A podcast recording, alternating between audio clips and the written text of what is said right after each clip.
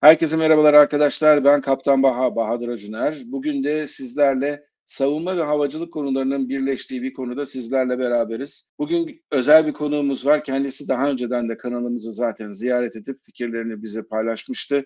Bugün tekrardan kendisini kanala davet ettim ve bu konuda gerçekten de bilgilerini paylaşabilecek en üstün bilgi seviyesine sahip insanlardan bir tanesi. Konumuz bugün F-16'lar ve alacağımız F-16 paketinde amiyane tabiriyle kazıklanıyor muyuz Amerika tarafından yoksa bu gerçekten 23 milyar dolara değecek bir satın alınma mı? Bunu konuşacağız sizlerle.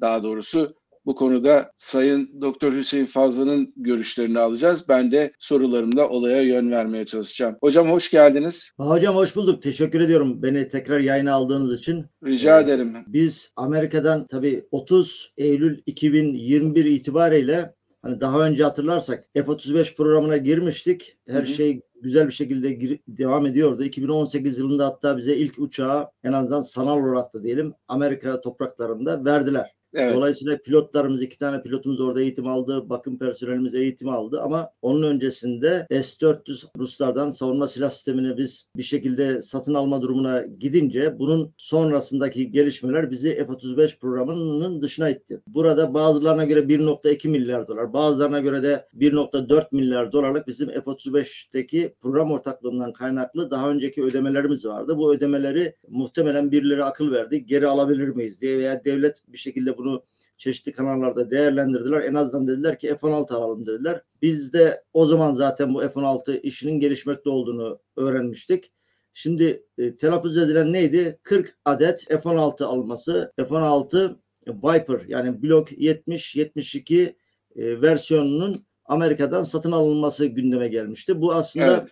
E, en azından bizim bir ara uçağa ihtiyacımız olmuştu. Hani hatırlayalım yine. Biz F-35 programına girdik ama F-35 programından sonra o devam ederken paralelinde de 2010 yılında Milli Muharip Uçak şu an TF-23 Kaan diyebileceğimiz Kaan'ı da 5. nesil kendi imkanlarımıza geliştirdiğimiz muharip savaş uçağını da geliştirme yoluna gittik. Şimdi bu geliştirme süreci tabii ki uzun bir zamanı gerektiriyor. 2030'lu yıllar öngörülüyordu ancak e, şimdi bu F-35 programından çıkarıldık. Milli Muharip Uçak da hızı belli zaten.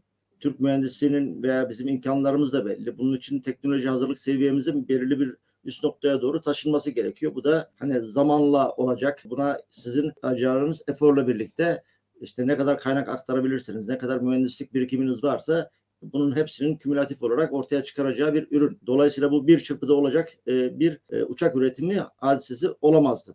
Evet. Şimdi bu 2030'larda olacak. E, siz F-35'leri 2018'den itibaren alma yoluna giderken bir anda ne oldu?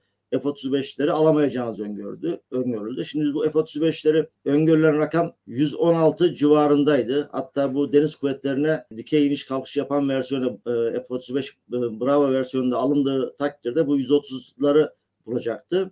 Tabii, tabii, tabii ki bu rakamlar değişiyor ama bizim o zaman e, buna yani o 116 uçağa ödeyeceğimiz rakam 17.1 milyar dolar. İlk önce 16 milyar dolar demişlerdi. Sonra 17.1 milyar dolar olmuştu.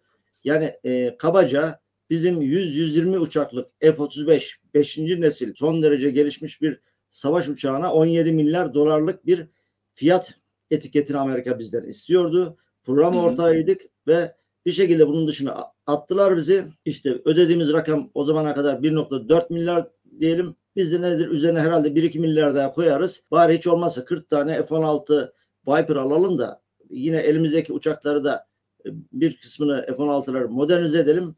Aradaki uçak ihtiyacını olabildiğince modernize edilmiş bir F-16 filosuyla karşılamaya çalışalım. Sonra işte dişimizi tırnağımıza takalım. Milli muharip uçağı geliştirelim. Bu arada işte insan hava araçları konusunda epey bir yol aldık. Bu insan hava araçlarını da Hı. bir noktaya getirelim. Arada alabilirsek işte belki Eurofighter alabiliriz veya başka bir uçak alabiliriz veya almayız. Bunları da değerlendirelim gibi düşünceler vardı. Şimdi e, burada tabii Amerika paketi bir hafta kadar önce açıklayınca ondan önce de Türk basınında e, 20 milyar dolar civarında işte F-16 40 tane alacağız. 79 tane de modernizasyon kiti alacağız, başka şeyler alacağız gibi rakamlar geçiyordu. Ben açıkçası hiç aklımdan bile geçmedi. Yani 20 milyar dolar en azından benim için çok büyük bir rakam ve Türk Tabii ki. devletinin de Türk devleti için de çok büyük bir rakam. Yani şöyle 20 milyar doları şöyle düşünün. Daha iki sene önce bizim Türk Silahlı Kuvvetleri'nin bütçesi, yıllık bütçesi 10 milyar dolardı. Evet. Yani iki yıllık bütçeden bahsediyoruz. Şimdi bu sene biraz arttırdılar çeşitli nedenlerle. Yani ha, Türk Silahlı Kuvvetleri'nin bölgede bir bölgesel güç olabilmesi için bana göre 40-50 milyar dolarlık bir büyüklüğe de ulaşması lazım. Yani siz para harcarsanız, kaynak harcarsanız ancak bölgedeki etkinizi o derece yüksek seviyeye çıkarabilirsiniz. Bunu belki başka bir zaman bir tartışma konusu olarak alabiliriz ama Tabii ki.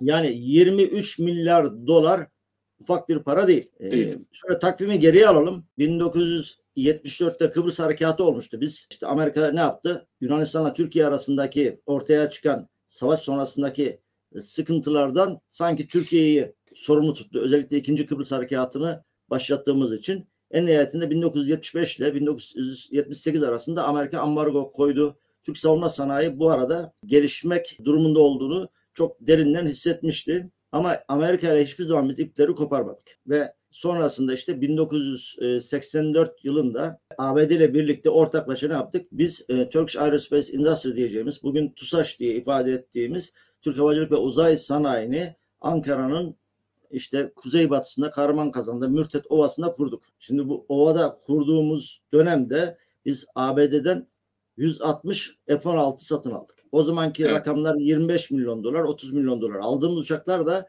o ilk versiyonlar değil. Blok 30, sonra blok 40 uçaklarından Evet. aldık. E, şimdi bu uçaklardan aldığımız dönemde ABD'ye ödediğimiz rakam bizim 4.2 milyar dolarda fabrikanın kurulumu da dahil. Yani 160 uçak, fabrikanın kurumu, oradaki kurulumu, oradaki personelin eğitimi toplamda 4.2 milyar dolar. Bunun anlamı da nedir? Uçak başı 25 milyon dolara geliyordur. 160 tane uçağı siz tedarik ettiniz. Şimdi Bunun bu dışında uçakları- aynı zamanda Mısır için de üretim yaptık mesela oradan. Ee, o F-16 onlar tabii var- çok daha sonralar da onların paketleri ayrı ama bu, bu hani 4.2 milyar dolara biz e, zamanında 160 uçağı aldığımızın altını çizmek istiyorum. Yani Anladım. rakamları insanlar böyle birazcık ufak görüyor. Şimdi o uçakların adedi 25 milyar 25 milyon dolardı. Şimdi onların eşiti diyebileceğimiz Viper versiyonları da 63 milyon dolar. Yani en babası 75 milyon dolar olsun. Yani 3 misli fiyat artmış. Öyle değil mi? Yani 25 yerine 3 misli. Biz şu anda 160 tane uçak satın alıyor olsak, fabrikada kuruyor olsak bizim ödememiz gereken rakam 12 milyar hadi 13 milyar dolar olsun. Şimdi ortada 40 uçaklık bir paketten bahsediyoruz. 40 tane F-16 Evet. diyoruz. 79 tane kit diyoruz. Yani kit ne demektir? Elimizdekileri modernize edeceğiz. Tamam bu da bir süreç ama ben sırasamdaki yazımda da bunu söyledim işte. Service Life'ı arttırmak için ne yapıyoruz? Extension programlar. SLAP var. SLAP'e göre kendime göre bir çıkarım yaptım. Uçağın e, fiyatı 63 milyon dolar ise bunun dörtte bir fiyatına biz bu uçağı ne yapalım? Modernize edelim dedik. Elimizdeki uçakları modernize ediyoruz. Yani az para koymamışız. 14 milyon dolara onları modernize ediyoruz. Bunun içerisine AES radarı katmıyoruz. Elektronik harp şeyini katmıyoruz. Başka şeyleri katmıyoruz. Yani uçakların modernizasyonunu 25 ile 30 milyon dolara yapıyoruz tanesini. Yani elimizdeki mevcut Evet. blok 40'ları blok 50'lerden bahsediyorum. Şimdi orada böyle kabaca bir hesap yaptığımızda ortaya çıkan rakam e, tabii şimdi silahlar da var. Oradan satın aldığımız Amram füzeleri var mesela. Neredeyse Evet. e, şöyle elimdeki rakamlara bakayım. Amram almışız 952 adet. Şimdi bu Amramları ben Türkiye'de ilk Amram eğitim alan 3-5 tane pilot vardı. 1996 yılında Türkiye Amramlar o zaman tedarik ettiğinde iki tane Amerikalı pilot geldi. Onun öncesinde Amerika'da F-16 öğretmenlik e, eğitimi de almıştım. Sonra biz buraya geldik. Tabii Amerikalı hiçbir şeyi bedava vermez. Yani biz oradaki eğitimde ya dedik sizde bir Amram denen bir şey varmış. Bizim Türkiye'de yok. Bize şunu biraz anlatsanız arada anlaşma olmadan dediler kesinlikle anlatamayız. Anlaş Evet. anlatamayız dediler. Sonuçta adamlar anlaşma yapıldıktan sonra geldiler Türkiye tedarik ettiği için bize burada eğitimi verdiler. Yine bir harm füzesi de var. Yine pakette o da var. AGM 88. Bize onun eğitimini de verdiler. Yani bu savunma baskısı SEED dediğimiz eğitimi ben 96 yılında 97 yılında aldığımda oradaki rakamları biliyorum. O rakamlarla şimdi kıyaslıyorum. Yine burada hani rakam o zamanki rakam Amram'ın 400 bin dolar civarındaydı. Şimdi olsa olsa 1 milyon olur, 1 milyon 200 bin olur. Yani benim çıkarım yaparak ki bunun bir de tabii eğitimi var, lojistiği var, altyapısı var. Bunların bakımları falan var. Hepsi bu paketlerin içine dahildir. Zaten e, Amerika'nın yayınladığı e, kağıtta da bunlardan bahsediliyor. Şimdi tabii burada ABD'nin yaptığı tabii anlaşmalarda farklılıklar var. Nedir bu? Mesela Almanlara da yaklaşık 100 işte 1000 civarında e, Amram füzesi sattı en gelişmiş versiyonunu. Bunu neredeyse işte 3 milyar dolara gibi bir şey yapıyor. O zaman tanesi füzenin 3 milyon dolara geliyor. Yani veya aynı füzeyi Suudi Arabistan'a satmış. Onda da 2.3 milyon dolara geliyor. Yani ülkelerle olan ilişkilerine göre değişiyor. Şimdi evet. bizim ilişkilerimiz nedir veya bizim talep ederken bu e, füzeleri altyapı olarak neleri istedik? Mevcut füzelere yönelik başka bir şeyler mi istedik? Mesela kitleri falan da alıyoruz gibi. Yani e, bazı şeyler değişebilir ama yani rakamlar böyle kabaca işte bildiğimiz rakam artı olabilecek rakam. Bunun hani evet. 7-8 katı olmaz yani. Şimdi baktığımız noktada bütün bunları ben hesapladığımda çıkan rakam o sitede onu belirttik. 7 milyar dolar civarında. Yani bize 23 milyar dolar diye Amerika resmen belge olarak belgesinde bunu ifade etmiş. Tabi bu Foreign Military e, Sales yabancı askeri satışların esprisi de şu. Onu da söyleyelim. Amerikan Hava Kuvvetleri'ne bir füze, bir uçak kaç paraya satılıyorsa sizi yani müttefiki olarak gördüğü ülkeye de o fiyattan satıyor. Anladım. Artı kredi veriyor. Yani bizim gibi ülkeler diyelim ki satın alacak. Sen bu 20 milyar doların hepsini verme diyor. Ben diyor kendi ülkemde bunu hangi fiyatlandırmayla yaptıysam sana vereceğim. Ama sonuçta kredi açtığım için bunun kredi faizi var diyor. O da kendi fabrikasının işte çalışmasını sağlıyor. Backlog oluşturuyor. Onun da kendi içerisinde bir sürü sistematiği var. Yani o hani e, şeyi verirken Amerikan Hava Kuvvetleri'nin fiyatını verirken arkasında bir sürü de kuyruğu var. Onları da görmek lazım ama bunu siz hani açık piyasa şartlarında zaten gidip Amerika'dan bana hadi bir 4 tane F-16, 40 tane F-16 ver diyemiyorsunuz. Zaten kaç yıldır uğraşıyoruz. Yani o mümkün evet. değil ama bir kendi içerisinde mekanizması var. Bu mekanizma ülkeden ülkeye kısmen değişebiliyor. Ama bu işte A ülkesiyle B ülkesi arasında uçurum olacağı anlamına da gelmiyor. Sonuçta herkes müttefik. Evet ee, ben hatta hatırlıyorum 80'lerdeki alınan F-16'ların bir offset paketleri de vardı. 86 yılındaydı galiba ben fabrikayı üniversite öğrencisi olarak ziyarete gittiğimde evet. O soruyu sormuştum çünkü offset anlaşmalarının da o zamanlar iyi bir şekilde yapılmadığı yani anlaşma imzalanmış fakat Amerika bizden mal almamış o maliyeti karşılamak için yapılan offset anlaşmasını işte atıyorum yıllık 100 milyon dolar 150 milyon dolarlık bir mal almayı tehdit etmişlerdi. Ama o konuda e, şeylerini sorumluluklarını yerine getirmemişlerdi. O konuyu o zamanlar çok iyi hatırlıyorum. E, dediğiniz gibi yani bu değişik bir finansal paketten bahsediyoruz. Evet. E, ama sizin de yazınızı da okudum. Dediğim gibi madde madde bütün orada listelenen e, silah sistemlerinden tutun da uçaklara kadar hepsinin olası maliyetlerine şey olarak da vermişsiniz. Hadi taş çatlısı şu kadar olsun ki evet. ben de o yazınızı da aşağıya link olarak ekleyeceğim. O zaman bile dediğiniz gibi 23 milyar doları bulmuyor. Peki neden bu kadar yüksek bir rakamdan telaffuz ediliyor? Bunun bir nedeni olabilir mi acaba? Bunun bir nedeni onu ben bilemiyorum. Yani şöyle zaten anlayamadığım için de yazında bunu dedim bir bilen Amerikalı da olabilir dedim. Lütfen anlatsın. Yani biz şu işi bir öğrenmemiz lazım. Yani normal şartlarda bizim bir şekilde bu paketin içerisine baktığımızda olabilecek rakam 7 milyar dolar. Haydi hı hı. her şey olsun 10 milyar dolar diyelim. 13 milyar dolar nereye gidiyor? Bence bu kocaman bir soru işareti. Ha şuna insanlar şundan bahsedebilir. Ya biz çok fazla sayıda silah alıyoruz ya silahların fiyatları da belli ki biz çok fazla almıyoruz yani yani şeye bakarsak İsrail Amerika'nın ne sattığını yani mesela biz ne almışız? Bakıyorum şimdi JDM kiti almışız mesela biz 1434 adet. İsrail'in aldığı 3450 bundan 10 yıl kadar önce. 3450 adet JDM'i Amerika'dan satın almak öyle kolay bir şey değil.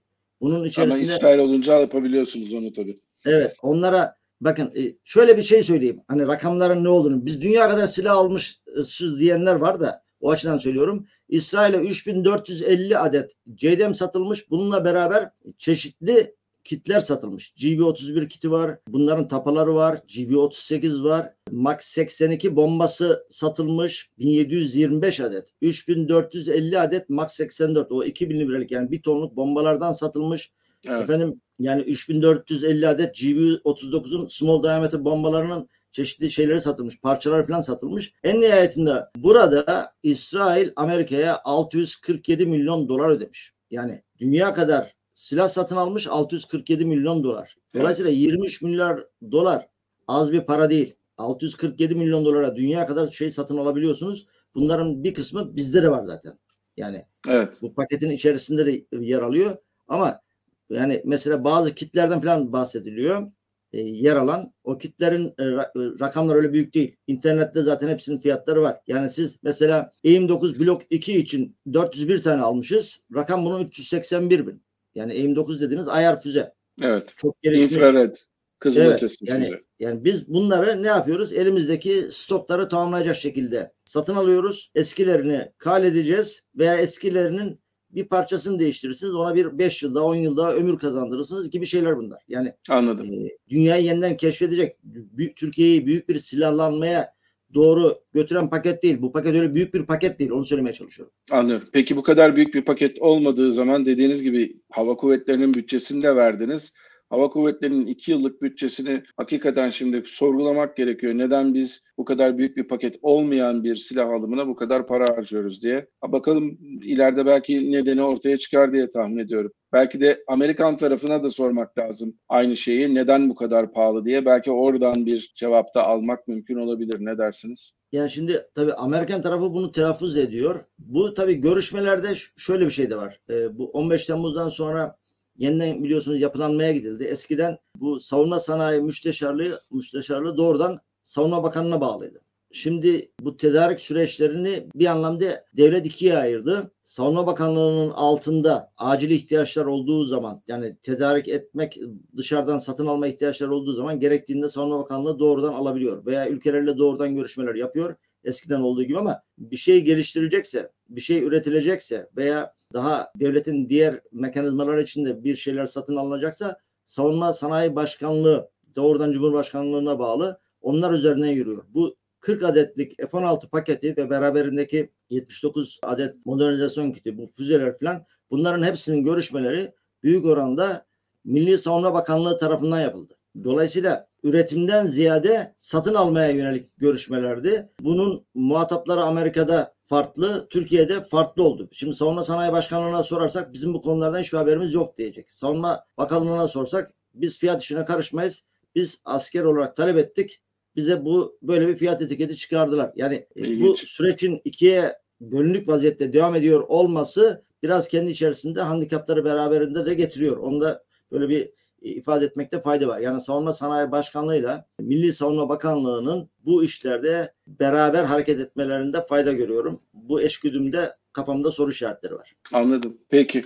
Çok teşekkürler. Ee, peki bir sorum daha olacak. Bu yazınızı yazdıktan sonra herhangi bir şekilde bu sözünü ettiğiniz kurumlardan size bir geri dönüş oldu mu? Bir açıklama babında. Ya bunlar tabii bu tür hani yazıları veya işte bu tür bizim gibi platformlardaki e, yazıları devlet bir şekilde takip eder. Bunu bilmemiz gerekir. Ama eğer ihtiyaç olursa davet ederler, görüşürüz. Ancak herhangi bir davet olmadı. Çünkü bizim yazdığımız her şey zaten açık kaynaklarda yer alan bilgiler. Herhangi bir şekilde en azından emekli bir askeriz. O kanallarımızı kullanarak işte birileriyle görüşerek bu rakamlar işte şunu teyit ettim veya ben bu rakamın böyle olduğunu şuradaki gizli bir dokümana atfen böyle olduğunu biliyorum gibi bir ifadelerimiz olmadığı için aslında devletin bilmediği bir şey söylemiyoruz. Yani devletteki çalışan arkadaşlarımız bu bilgilerin en az benim kadar biliyorlar. Benim de bilmediğim çok fazla şeyi biliyorlar. Dolayısıyla onlar zaten değerlendiriyorlardır ama bu fiyat Evet. işlerinde çok dışarıya bir şeyin sızmasına sistem izin vermez.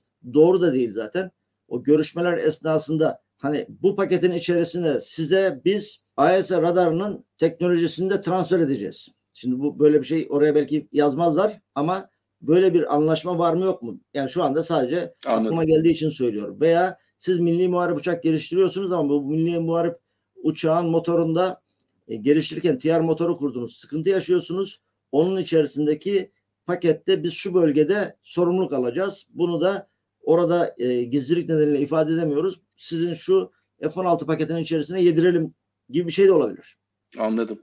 Yani Anladım. böyle ileride böyle açıklamalar olur mu olmaz mı bilmiyorum ama ama zaten varsa bunun kokusu da ortaya çıkardı dolaylı olarak. Benim e, şu ana kadar öngörebildiğim kadarıyla öyle bir şey olmamış. Anladım. Peki hocam çok teşekkürler. İlginç bir konuya değindik bugün. E, lütfettiniz, geldiniz. E, sanal bile olsa olarak e, kanalımıza e, renk kattınız ve bilgilerinizle de bize ışık kattınız. Çok çok teşekkür ediyorum. Sağ olun Bağ Hocam. Ben teşekkür ediyorum. Programlarınızı ben de takip ediyorum. Güzel konulara değiniyorsunuz. Başarılı yayınlar diliyorum. Çok teşekkür ederim. Arkadaşlar bugün Sayın Doktor Hüseyin Fazla ile konuştuk. F-16 paketinin alacağımız olan Türkiye olarak alacağımız olan F-16 paketinin gerçekten de maliyetlerinin yüksek olup olmadığı konusunda kendisinin görüşlerine e, değer verdiğimiz için kendisinin görüşlerini aldık. Eğer siz de bizim gibi bir bu pakete çok fazla para verdiğimizi düşünüyorsanız aşağı yorumlarınızı bekliyorum. Bu yorumlarda bunu dile getirebilirsiniz. Ha derseniz ki eğer 23 milyar dolar nedir ki biz veririz Türkiye Cumhuriyeti olarak diye bunun pahalı olmadığını da düşünüyorsanız yine de yorumlarınızı bekliyorum. Kanalımıza abone olmayı unutmayın. Birazcık daha fazla miktarda savunma sanayi ile ilgili videolar gelecek ama onun dışında Kaptan Bağ kanalında her zamanki gibi sivil havacılıkla ilgili değişik konulara da değineceğiz. Bambaşka bir yayında tekrar görüşene kadar mutlu kalın ama her şeyden önemlisi havacılıkta kalın. Hoşçakalın.